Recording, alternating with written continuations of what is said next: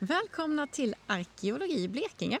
Det här är podcasten där vi gräver i Blekinges kulturlandskap och historia.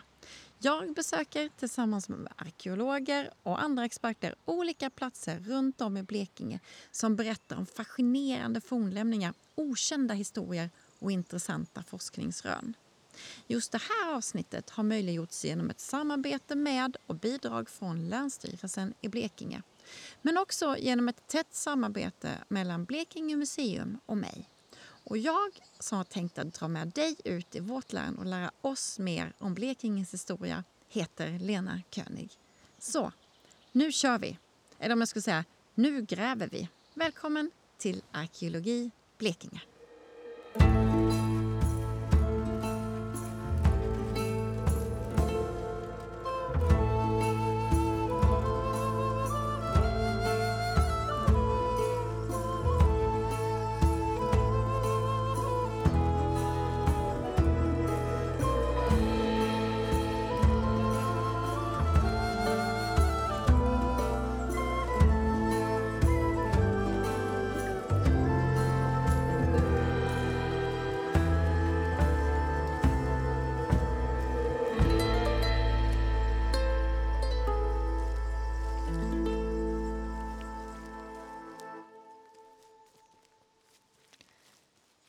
I detta avsnittet tar vi oss till Angelåns utlopp strax nordost om Ronnebyhamn. Där på en platå invid ån ligger en stor källargrund, eller ja, en kastal som det kallas. Det var en gång ett fristående torn som användes till, ja, vad då? Jag åkte dit en väldigt blåsig dag i våras när arkeologerna var där och grävde och jag fick mig då en pratstund med Martin Hansson som är arkeolog och universitetslektor vid Lunds universitet och som väl är den som har mest och bäst koll på just kastaler.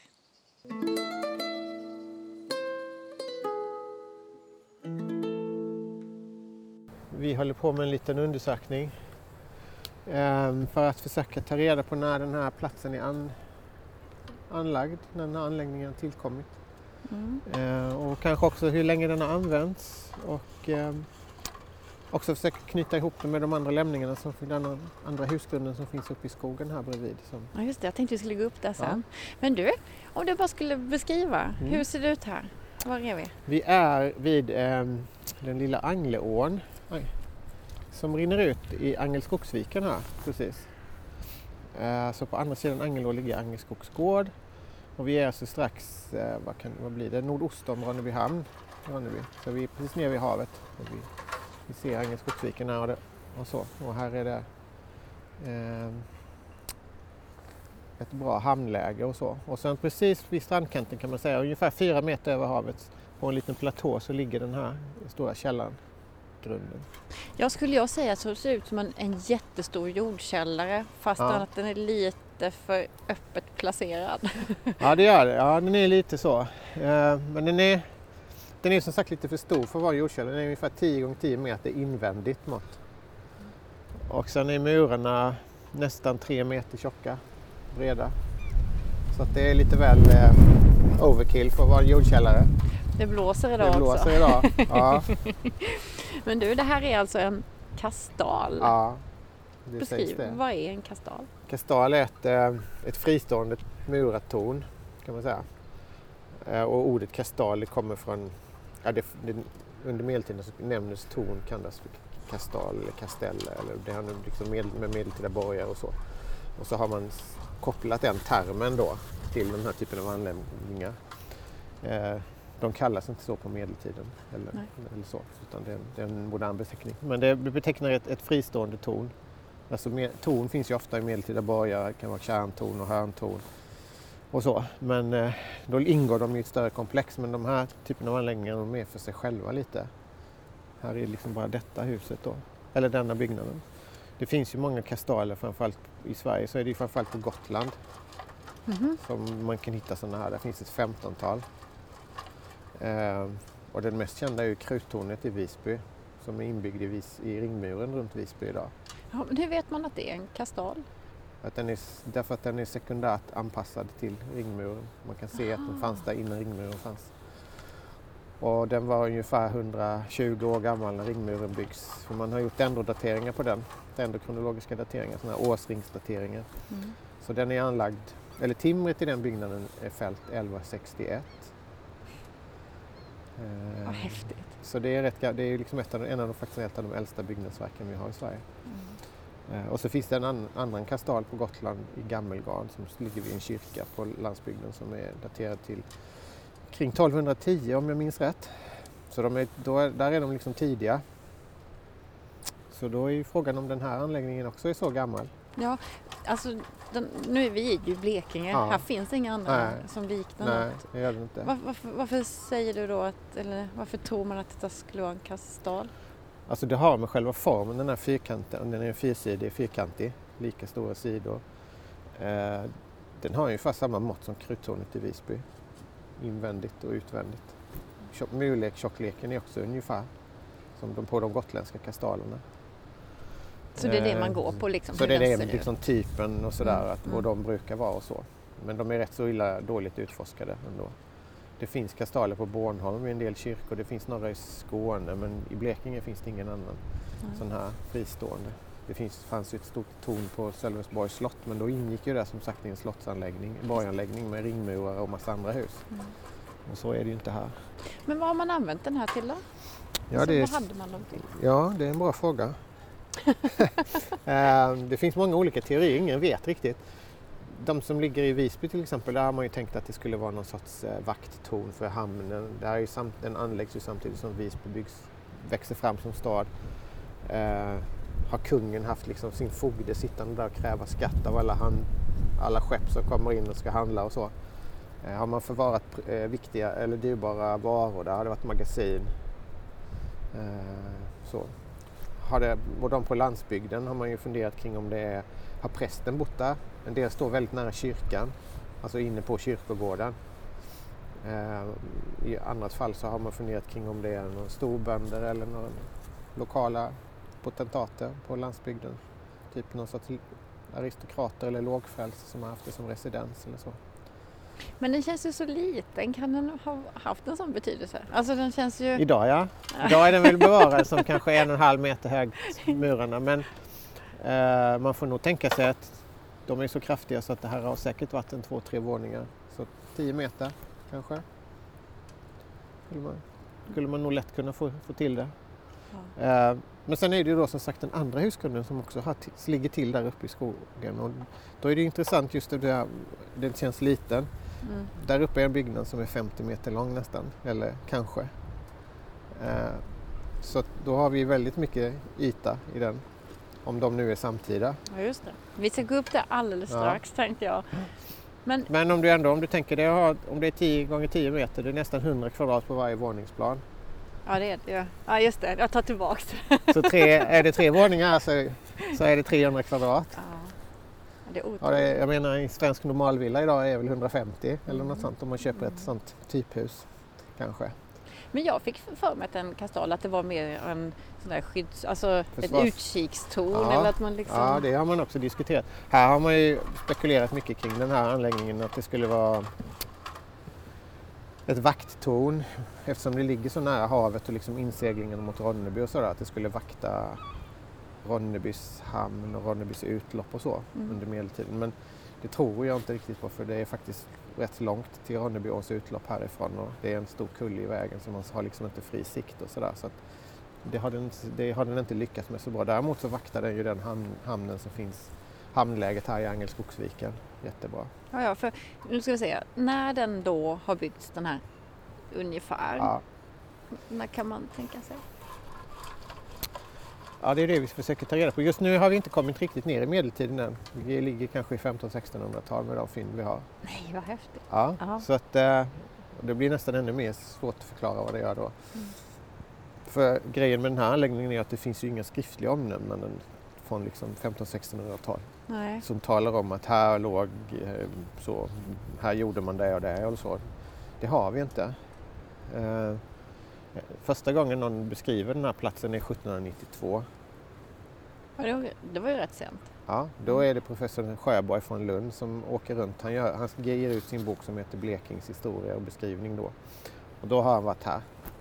Och då skriver han att vid Fånnanäs, som det här området heter, där finns det en murad grop vid vattnet. Och den är ju, det är en murad grop. En murad och den kallas för Harbors källare. Och eh, det har fordom varit ett gammalt rövarnäste. Ungefär, något sånt skriver han. Okej. Vad han, vad han liksom baserar det på, det Mm. framgår inte. Men finns det någon relation? För vi har ju Ronneby en bit bort. Ja, Hur stort var Ronneby då? Om, alltså, det har ju inte, aldrig ingått i stadsområdet eller så. Det har det inte gjort. Men det är det som är lite intressant. Ronneby växer ju fram som stad på 1200-talet kan vi säga. Mm. I början på 1200 1232 så har ju den danske kungen en, en kungsgård, ett kung, kungalev i Ronneby. Och eh, är det här då, och det här är en sån typ av liksom anläggning som om den är byggd på 1200-talet så är det liksom, då, är det, då kan man vara säker på att då är det kungen, biskopen eller någon, någon aristokrat som ligger bakom det. För det, då, det är inte vem som helst som kan liksom ha den kunskapen att man kan mura en byggnad. Nej. Man har huggt sten här också till exempel. Stenarna är tillhuggda och, och tuktade och så. Så det krävs en stenhuggare. Eh, och även om man kunde liksom eh, uppbåda massa bönder som ska komma och bära sten och så, så kan de nog inte hugga sten.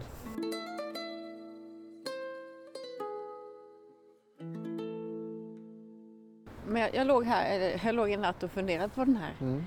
Eh, den måste ju ha varit ganska hög. Ja. Va, vad är alla stenar då som... ja, alltså de, eh, ja, vi har, det har vi också diskuterat, vart tar stenarna vägen? Och det gör ju också att man tänker att om den nu har varit, den har inte varit så 25 meter hög som kruttornet i Visby. För ha- hade kruttornet i Visby trillat ihop så blir det en jättestor stenhög. Mm. Men det, det har en stenbro här nere som går tvärs över Angelån. Där ligger rätt Just mycket sten i den. Ja. Eh, och ofta så har ju sådana här ruiner fungerat som någon typ av lokala stenbrott. Mm. Man har ju gjort jättestora utfyllnadsarbeten i, i hamnen i Ronneby, de här Ja, hamnområdena. Om man har hämtat, var man har hämtat material från det vet jag inte. Men, alltså sten har man ju, sten är det ju gott om här men det har säkert också blivit, behövt användas på olika sätt. Mm. Jag tycker jag har sett, mig, sett det någon gång, man har sett rösebottnar Ja. och sen är det jättefina stenmurar som Ja. passerar. Så är det. eh, och det är ju också att man använder stenfyllnader här till eh, ja, vägfyllnader och sånt där när man bygger ut och så. Så det finns ju, det har säkert liksom eh, ekonomibyggnader och så på gårdarna runt omkring. Mm. Och här är ju, väldigt, här är ju rätt så bra för det de är som sagt tillhuggna stenarna, de är ungefär lika höga. Ungefär, för, skiften är ungefär 40 centimeter, alltså varje stenvarv så att säga. De är rätt enhetliga det man kan se. Så på det sättet är det, är det bra sten att gå och plocka för bygge. Vet, man vet att de är ungefär hyfsat Ja, lika stora så det är lätt att bygga. Mm. Eh, Så. Ja, den är ju verkligen häftig att titta på. Ja. Eh, Vi har hört ett ljud hela tiden. Ja, De står och De sållar. står och sållar lite. Ja. Ni är ju här nu någon Ja. vecka och gräver. Varför, varför det? Varför vi det? Nej men det är ju som sagt, dels är det, så är vi nyfikna att ta reda på vad det, liksom när tillkommer den här anläggningen och så. Sen så ingår det som en del i ett större forskningsprojekt som jag driver om olika, just det här med de här typerna av torn, fristående torn och vad finns det runt omkring tornen? Mm. Och hur, liksom, hur hänger de ihop med landskapet i övrigt och så. Så att eh, i framtiden så förutom denna anläggningen så hoppas jag kunna göra några små undersökningar på ett, vid ett torn på Gotland också. Men vad är det som är så spännande? Med denna? Ja, Just denna. ja, denna här. Eh, Ja, dels är den enda i Blekinge. Sen är det så att den är väldigt välbevarad faktiskt. Mm. Okej, inte själva tornet. Det finns det mycket mer välbevarade torn. Det finns ett torn som är hela på Gotland till exempel. Här är det bara som sagt en och en halv meter mur. Men det området runt omkring är liksom helt orört nästan. Och vilket, vad är det du syftar Alltså på? det är här åkermarken. Eh, det är skogen med den här jättestora husgrunden som finns. Eh, och sådär. Och Mm. det gör att man just kan få den här relationen med kringliggande bebyggelse och så, närliggande bebyggelse. Ja. Och det kan man inte få på de här, eh, på de flesta andra. För många ligger på kyrk, står på kyrkogårdar. Där har man liksom röjt bort allting. Där är det gravar runt omkring från Mm. Senare tider. Det är liksom omöjligt att undersöka i princip idag. Ja. ja, det väl rätt. Alltså förr var det väl lite så att man till exempel att man, man studerade en sån här byggnad och så var det den, Ja, gjorde man det och sen tänkte man inte på det andra var nej, just det. så är det. Och det finns ju mycket, vad heter det, Eh, det finns ju många studier, eller framförallt på 30-talet gjorde man, jobbade man mycket med de här på Gotland. Och det var det så, precis som du säger, att man gjorde en undersökning och det var det själva murverket och själva liksom tornet och så. Men det som är runt omkring då tänkte man inte så mycket på, eller man letade inte ens. Och man, man alltid diskuterat tornet som att alla funktioner på den här platsen ska finnas i tornet. Men vi har ju, här är ju hur mycket yta som helst runt omkring. Här kan mm. ligga hur många hus som helst. Mm. Och där uppe finns Och där uppe finns det ett Ska hus. vi gå? Ja.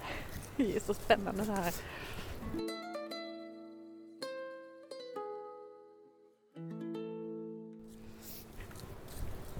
Ja, så det går som en, en liten dalgång ner mot Ja, det är ån som en här. liten, går upp mot en ås kan man säga nu. Ja.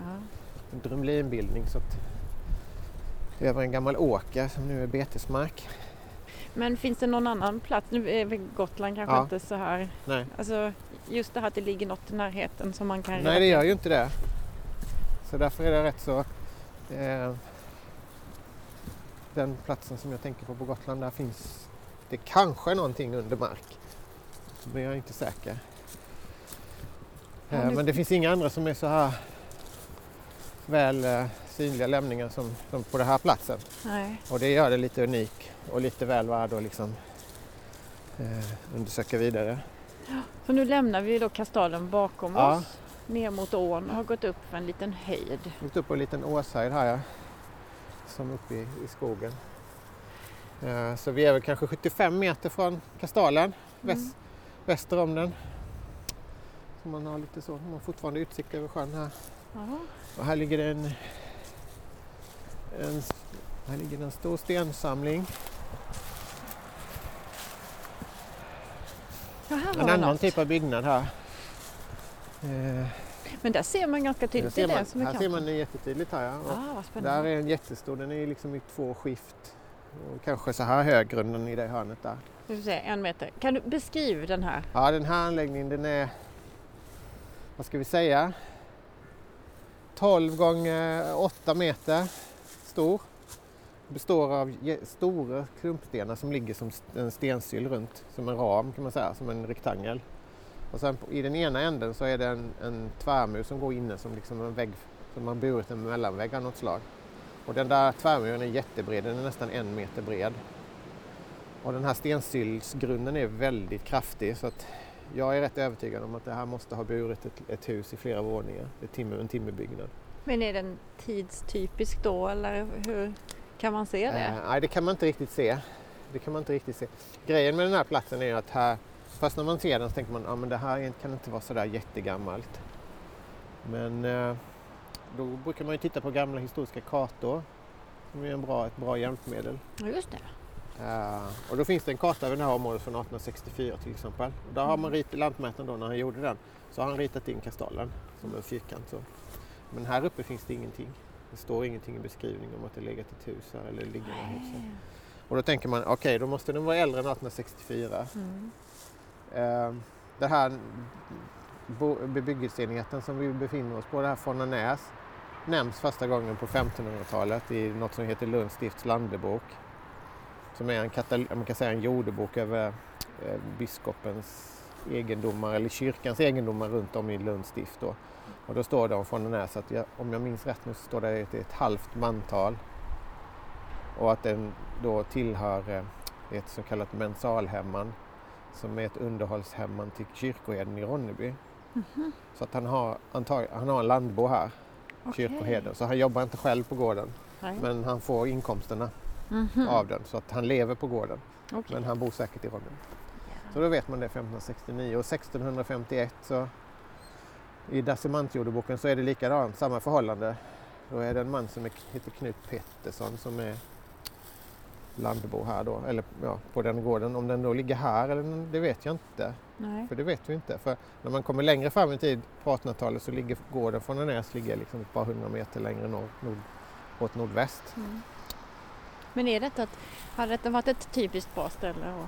Det är ett bra, rätt så hyfsat bra ställe. Här är lite mycket markfasta stenar men då har vi den, i, längst i söder har vi då den här stora husgrunden som då var vi sa 12 gånger 8 meter. mm. Och sen i väster är det en jättekraftig då terrasskant och den, den stensillen där, eller stenraden, den fortsätter ungefär 45 meter norrut. Och sen öster om den stenraden så ligger det ytterligare minst två hus. Och här har ni grävt. Så nu är vi kanske... Här är vi nog emellan två byggnader här. Ja. Men vi har liksom den som någon sorts kant där eller vad man ska Mm. säga. Och så har vi, kommer vi här. Du ser sten, här kommer stenarna som sticker fram. De går runt och Ja, här sticker det upp. sticker upp. De ansluter så kan man följa de här. Ligga lite under. En har nog flyttat på sig. Nu går vi runt ett stort träd. Det är ett stort träd som här. växer mitt i hörnet här, eller mitt i huset. Och här kommer det sten Ja, stenarna ligger som i en, som en linje. precis liksom, en linje. Wow! Och så kommer vi där, har det nog legat en sten ovanpå den för det, det ligger sådana små stenar under den där som är kvar. Mm. Mm. Men hur kan du, alltså nu fattar jag, man ser att de ligger på rad, men så här, när ni kommer ut så här och, och, Mm. och gräver och hittar och Ja, är det, liksom utvecklingen av själva grävandet av själva sker, grävandet. sker efterhand Ja, det som sker ni efterhand. hittar? Här började, vi, här började vi här borta till exempel. För att eh, här sker ett sånt här intressant skifte i hur, det, hur liksom stenarna ser ut. Här ser du kommer den här från det här stora huset längst i söder. Ja, och så det. kommer det upp, du ser det en, jättestora En lång rad. lång rad med stora stenar. De är liksom en meter i, upp till en gånger en meter stora. Och sen, men sen fortsätter ju stenraden här ännu längre norrut. Men då är det mycket mindre sten. Mm. Och de små stenarna ligger liksom upp mot den stenraden. Det. Så det ser ut, och den viker ju av här eh, österut. Ja, här, Så då är de liksom den- verkligen. Så det ser ut som, eller då är det så att den här sydliga stora stenraden är liksom, den finns först. Mm. Och sen bygger man på den ännu längre norrut och då blir det mindre stenar och så lägger man dem upp mot den andra. Så det var lite det vi ville ta reda på. Men hur- det så. När du kom hit då första gången och, och såg, hittade du det här direkt och, och Ja, kände detta att här... ja. Detta är väldigt synligt. Det här är en registrerad fornlämning också. Mm. Fast den är inte registrerad förrän nu på sen tid. Den där har ju varit känd sedan 1792 som fornlämning kan man säga, Ja, kastellen. kast- Eller kastalen. Kastalen. Medan det här är nu på 90 i 2000-talet eller 90-talet som den Mm. här erkänns som fornlämning. Så Men- då har vi liksom tittat här så vill vi kolla hur ser det ut på de olika sidorna, de här stora stenarna och små mindre stenar. Här blir någon stenpackning, det har vi inte där. Här verkar det som den har fortsatt en bit. Sen är den bortbruten där. Vi har något, hittat någon sten som ligger i gräsytan där. Som ligger precis som en hörnsten nästan till de stenarna där. Så då får vi liksom en, en byggnad här som är, vad kan den vara? 9 gånger 6 Mm. något sånt. Men om du då skulle, om, vi, om det här nu tillhör den Mm. tiden med kastalen, hur såg det ut här då? Hur var det här då? Ja, men då har du säkert en... Eh, för, vi har tre, minst tre byggnader som ligger här på rad. Så. Mm. Och de ligger liksom parallellt med vägen som går Ja, till hamnen, fast en bit in då. Mm. Eh, I den byggnaden så gissar jag att vi har haft djur stallade delvis. Och det, nu är vi åt eh, allra längst i norr. söder, norr är vi Ja. nu. Mm. Eh, så, så var en byggnad där. Frågan är om det har varit någon, liksom, någon plank emellan de här byggnaderna på detta stället. Jag, eftersom den här stensylen fortsätter som underlag. Man tänker sig, du vet, det kan ju ha funnits eh, såna här öppna skjul på, om du tänker dig vagnsskjul eller något sånt på en gård som Mm. är med en öppen sida. Just det. Och så har vi Bull, bullerskydd mot vägen. precis bullerskydd mot vägen och så har vi ett hus som går ut här Mm. och så har vi det stora huset där och sen så är det likadant någon yta däremellan som har fungerat som någon sorts gårdsytor eller aktivitetsytor eller något sånt där. Ja, det skulle vi, nu hinner vi inte gräva så mycket här, vi ska gräva tre rutor till det huset längst ner där Mm. eh, för att se. Men, eh, men eh, Det ligger ju någonting här, några små påsar och grejer. Ja, här är vad, har- mycket vad skräp. har ni hittat då? här har vi, egentligen här uppe har vi egentligen inte hittat, har vi nästan bara hittat järn och glas. Och här är en blandning av material så de är mycket sånt som är svårt att datera. Mm. Efter, eller, det kan vara både 1700-tal och 1800-tal och kanske 1600-tal. Så att vi har ingen riktigt bra datering. Men just nu känns det som att det inte är jättegammalt. Men då är det också, blir man också lite så här förbryllad. Varför finns det då inget... Varför finns huset inte med på 1800-talskartan? Nej, just det. Om här är en massa aktiviteter vid den tidpunkten. Men här har ju, här har ju liksom alltid varit bebyggelse runt omkring så folk har ju alltid varit här. Det, även om inte det är någon som bor här så kan det ju är det jordbruk som pågår, man kan slängt skräp och, och, och allt sånt där. Kommer Eh, man någonsin få veta, tror du? Vad, Sanningen, ja. det beror på om vi får riktigt mycket pengar. Det är det det handlar Det är om det det också. handlar om, ja, precis. Ja. Eh, sen så har vi, kan vi se då, för vi har gjort 3D-dokumentation med sådana här drönare, terrängmodeller och så. Så på den här ytan som är då sluttningen väster om det här huset så är det ju en beteshage idag. Men det har ju varit åker och här är sådana här till medeltida tegar. Rätt smala indelning med små diken som löper emellan. Åker ner så. Men varför är det viktigt att göra sån här forskning? Att komma ut och... Alltså det är ju för att man vill veta någonting nytt och, ställa någon annan typ av frågor som ingen annan har ställt. Som just det här med jag tror att det skulle, man, kan, man, ska, man kan förstå de här tornbyggnaderna, även andra tornbyggnader, bättre om man förstår hur de hänger ihop med det som sker runt omkring. Då kan man glömma den här diskussionen om att alla funktioner ska finnas inom, in i tornet. Det ska både vara liksom bostad och magasin och, och så. Här kan det ju vara att du har det här är nästan liknande, det ser ut som någon sorts logementslänga nästan Ja, just det. på något ja. sånt. Det är också det att det är lite märkligt för att om du tittar på äldre agrar bonde, bondgårdsbebyggelse så ser de inte ut så här. Alltså alla hus ligger på en under lång rad. Nej. De är lite mer grupperade, det finns olika typer och de är grupperade och det finns radbyar men, men på varje gård så ligger liksom inte husen på en enda rad. Så, de ligger i vinklar eller motstår varandra, motstående varandra. Så, så det här, de enda ställen där man kan hitta den här typen egentligen som jag känner till nu är ju någon sorts medeltida borgmiljöer där man har jättelånga huslängor och där husen är mer eller mindre ihopbyggda kanske. Så att, eh, det är på den.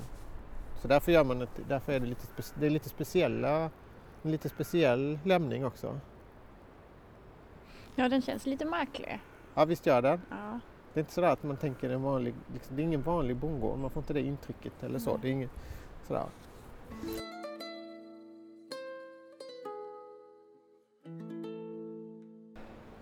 Men hur tror du att du kan dra nytta av, av den här grävningen nu då? I dina vidare Det beror forskningar lite, kring detta? nu är det, det är jätteviktigt, nu är det beror ju på resultatet. Mm. Alltså, det är jätteviktigt att veta hur blir dateringen här och hur blir dateringen där. Hänger, är de samtida? Vissa saker, man kan titta på det, där det finns huggen sten i den här grunden så Mm. liknar den den huggna stenen som är i kastalen. Det är så? Ja, det gör den. Mm. Och då kan man tänka, är den... Okej, den är byggd samtidigt. Mm. För det är samma gubbar som har huggt till den stenen. Ja, eller så är det så att stenen kommer därifrån. Ja, Du, vi pratade om det innan, vad är Mm. stenen? Ja, den kanske ligger här uppe i den här. Och då är den här något, något senare skede. Och då hänger de inte ihop. Men skulle, finns det någonting som ni har hittat hittills där ni kan datera så att man här kan uppe? få veta? Nej, så? det har vi inte något rikt- riktigt bra eh, här. Vi har väl... Vi ligger nog, alltså 1700-1800-tal. Mm. Fast det är förhållandevis lite fynd. är Det väldigt lite keramik och sånt. Hushållssopor. Ja, Vilket också är lite intressant. Om man nu, ska, nu, är det aldrig, nu är det alltid lätt att använda vad heter det, negativa bevis. Eh, men det är tydligt att här är inte hårdvis med liksom hushållssopor. Du, om man kommer hit nu, man är Blekingebo och man Ja. vill besöka den här platsen. Hur ska man ta sig an den? Liksom? Ja, men man får göra det med, man, det, ska man tycka, det ska man ju njuta av att det är så himla vackert här. Ja, det, det är jätte, Det är jätte- jättefint här. Ja. eh, så ner mot vattnet eh, och ån som slingrar sig och sådär. Eh, och så får man titta på och så får just fundera på de här sambanden mellan vad folk har gjort och det kan man också, det är också intressant att tänka hur man man kan fundera kring varifrån, om man nu kom då när den här byggnaden fanns, vilket håll kom man ifrån? Mm. Vad är liksom baksidan och framsidan? Kom, kommer, är det egentligen så att den är, vänder sig mot vattnet, att det är från, man, kommer, man ska komma med båt hit? Vi kommer ju alltid från land ja, idag. det känns ju lite Så. som att... Det är ju, ju, går ju en, gå, en väg tvärs över, eller längs med en markväg på den här äldsta kartan som kommer här. Går förbi Kastalen och sen så över den lilla stenbron som finns där nu. Mm. Om det är en, är det en jättegammal väg, sträckning, det vet man inte. Nej. Eh, Men man kan fundera kring det. Varifrån såg man den här anläggningen för första gången? Och, hur, vad gjorde- och om de då är samtida. vad gjorde man här mitt emellan då? Mm. Det är, ändå rätt, det är ändå lite för långt också för att det ska vara, för att det ska vara ett samband. 75 meter är ändå 75 meter. Ja. Så. Du, jag tänkte det finns en skylt där nere Mm. där det står för att, mm, ja, står och medeltid, Allt, ja. alltihop. Va, Ska man ta skylten på allvar nu då eller? Ja, det får vi se. Nej, jag hoppas vi får, får, kan skriva en bättre skylt med lite mer information för den är väldigt... Ja. Eh. Och namnet, Ja, Hagvards källare. ja. Vad, var kommer namnet ifrån? Alltså det är professor Sjöborg då som 1792 skriver om, om att den här platsen kallas Habors källare. Mm.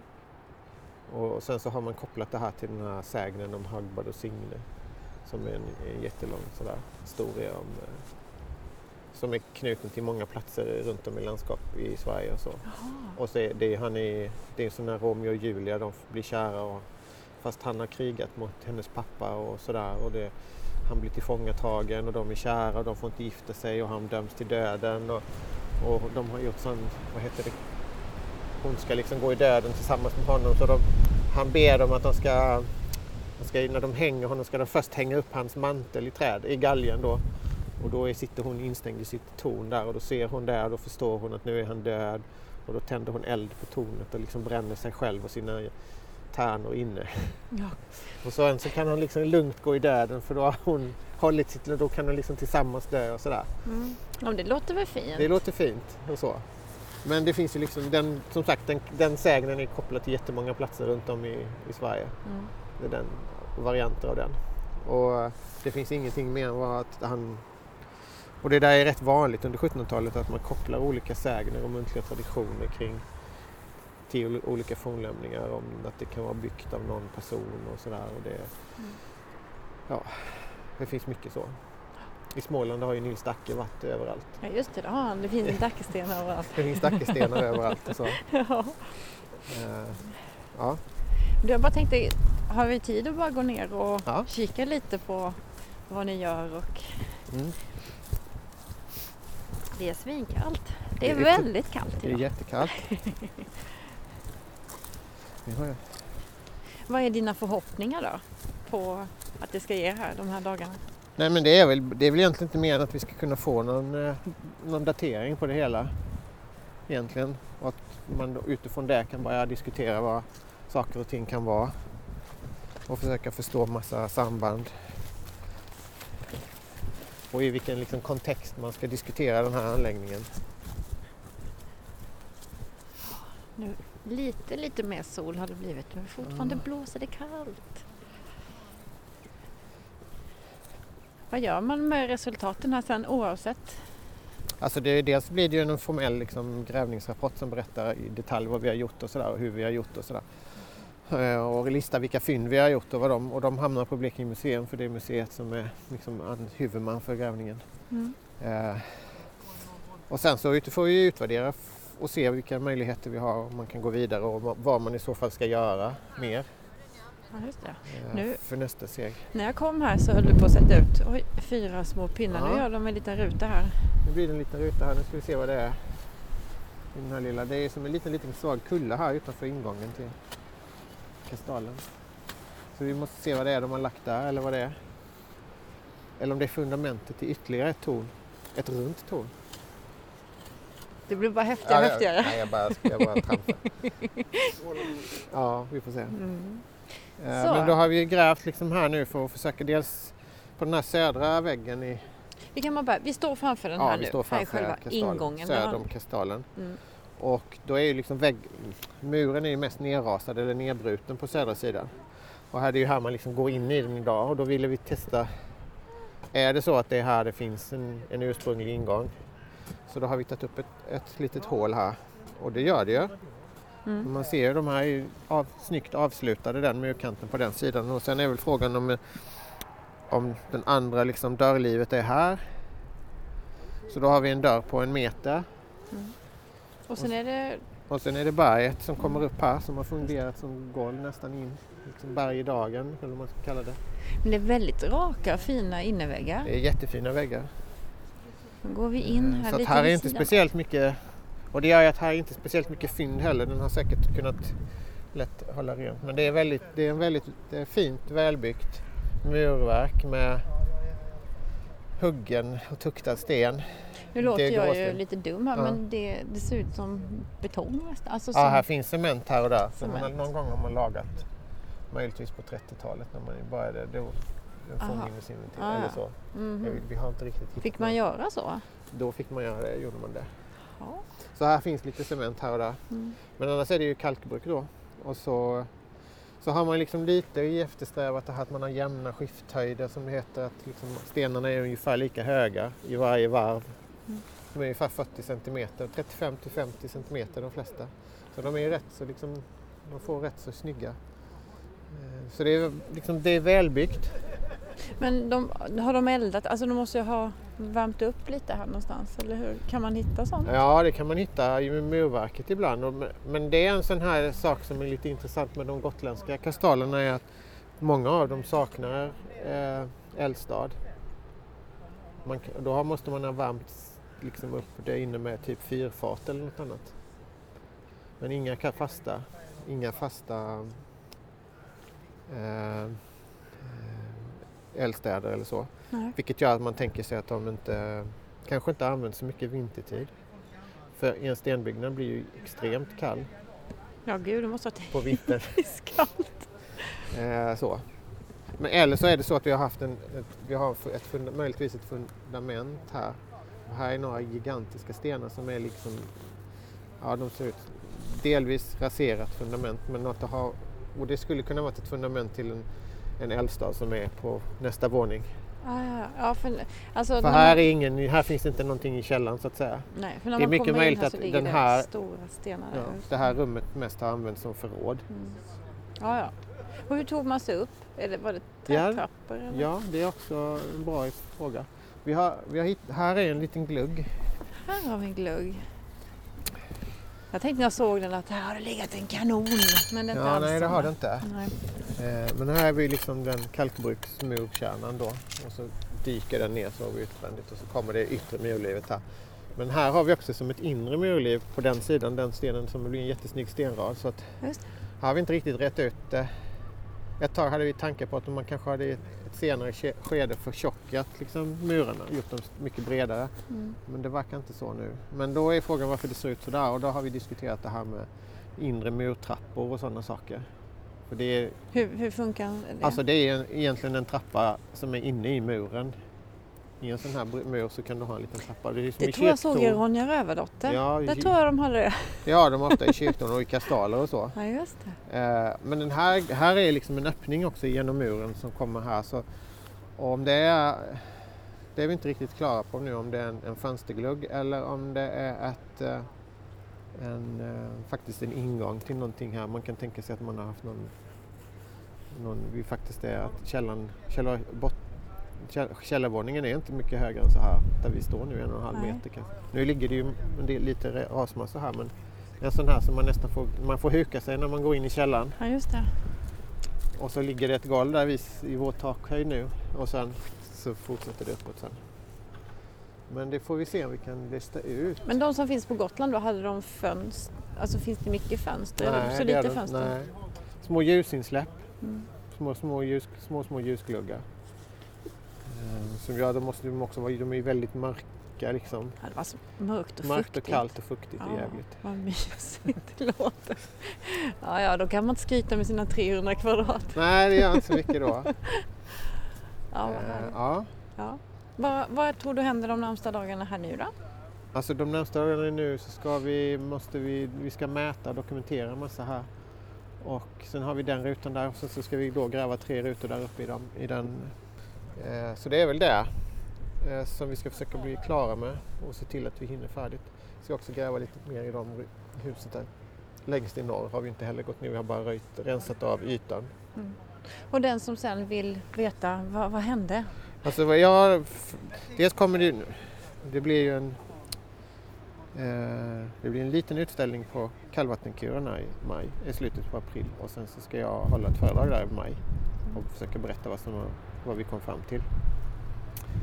Eh, vi, kan också, vi har till exempel hittat eh, taktegel medel, av medeltida typ som visar att den har tegeltak.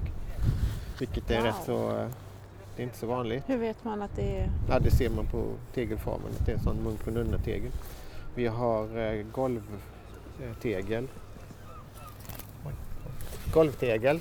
Mm. Så här någonstans har man haft en tegellagd, golv. Det är också, det är också väldigt det är dyrt. Så, här, så det är också en sån här statuspryl. Så det visar att det är, liksom en, det är en särskild, det är en viktig byggnad. Så. Det är inte vem som helst som, som, som, eh, som har råd att lägga in golvtegel. Nej. Det är som idag att man ska ha exklusiva Ja, ja. stensi- stenskivor i köket. Och jag har tittat på sånt marktegel jag tänkte lägga i min trädgård. Mm. Ja, Ja, ja, nej ja. det är för de lite mer Mm. välbärgade. Så att det är på, så. Så det är väl det vi ska göra nu. Försöka. Vi ska ju bara vara här tre, dagar, tre fyra dagar till. Och sen ska det ju återställas och återfyllas och så. Eh, Och så får vi försöka utvärdera detta och sen eh, komma tillbaka och söka mer pengar för att kunna göra någon fortsättning. Mm. Och så, då har vi också diskuterat, eller jag har varit inne på att jag vill skulle... Nu kan inte jag dyka, men ha hjälp av dykare och liksom titta, göra någon sorts eh, undervattenskateris eh, inventering. Eh, här finns ju uppgifter om vrak. Det ligger ett vrak här. Ja just det, det stod också Ja. på skylten ja. Mm. Hagbads skepp eller vad det Ja kallas. det. Som är, har oklar ålder. Men det skulle vara kul att liksom kunna datera det och, och se hur, det hur förhåller det sig till det här då. Eh, finns det några andra sådana kajanläggningar, bryggor, pålspärrar? Finns det några spår av sånt här i då, i den här, vid det här hamnläget? Men Jag måste bara en sista fråga. Det måste ju ändå vara svårt. Det är ju hundratals år hela Ja. tiden. Livet pågår Ja. liksom. Hur, hur tänker man? Är du kritisk när du är så här och gräver? Att, eller att man hittar saker som kommer 100 år senare än man tänkt eller 300 Jo men här är ju, jo, men här är ju, här kommer ju, här är ju saker som är, som är liksom från det att platsen, den här byggnaden byggdes någon gång som är okänt när tills fram till nu, till idag. Mm. Eh, till exempel, eller så. Folk har ju varit här och druck- druckit kaffe och tappat, eh, slått sönder porslin, rödstrandstallrik och sånt. Precis. På 1900-talet, 50-talet kanske, eller vad vet jag. Mm. Eh, så här, och här är ju patronhylsor, någon har använt det som för jakt eller någonting. Ja, ja, ja. Så att man- Man, man hittar liksom alla möjliga spår efter, från olika tider och så. Eh, utan det gäller ju att veta var, var kommer de? Var kommer fynden ifrån och liksom hur, hur, relaterar de, hur säkert relaterar de till liksom själva anläggningen och så. Vi har allting som vi har hittat nu ligger ju ovanpå kan man säga. Allting är hittat är egentligen yngre än murarna för det ligger på muren, Mm. det är på golvet eller så här. Eh, utan nu ska vi, möjligtvis vi kan gå ner eh, och hitta något som är, liksom är inne i muren. Då vet vi att det är med muren. Vi ska kanske köra lite eh, naturvetenskapliga analyser och sånt där också. Om Jaha, material och så. vad- vad är- C14 vad är det och så ja. kanske. Och ta lite jordprov och sådär och se utifrån. Spännande. Eh, så får vi se vad det ger. Mm. Men det, det- det tar ju ett tag att få svar på sådana frågor. Eller få svar på sådana analyser så det Mm. får vi se lite hur det blir med det. Häftigt. Ja, Nu sållas det igen. nu sållas det. Ja. Nu ska inte jag uppehålla dig. Nej, det är ingen fara.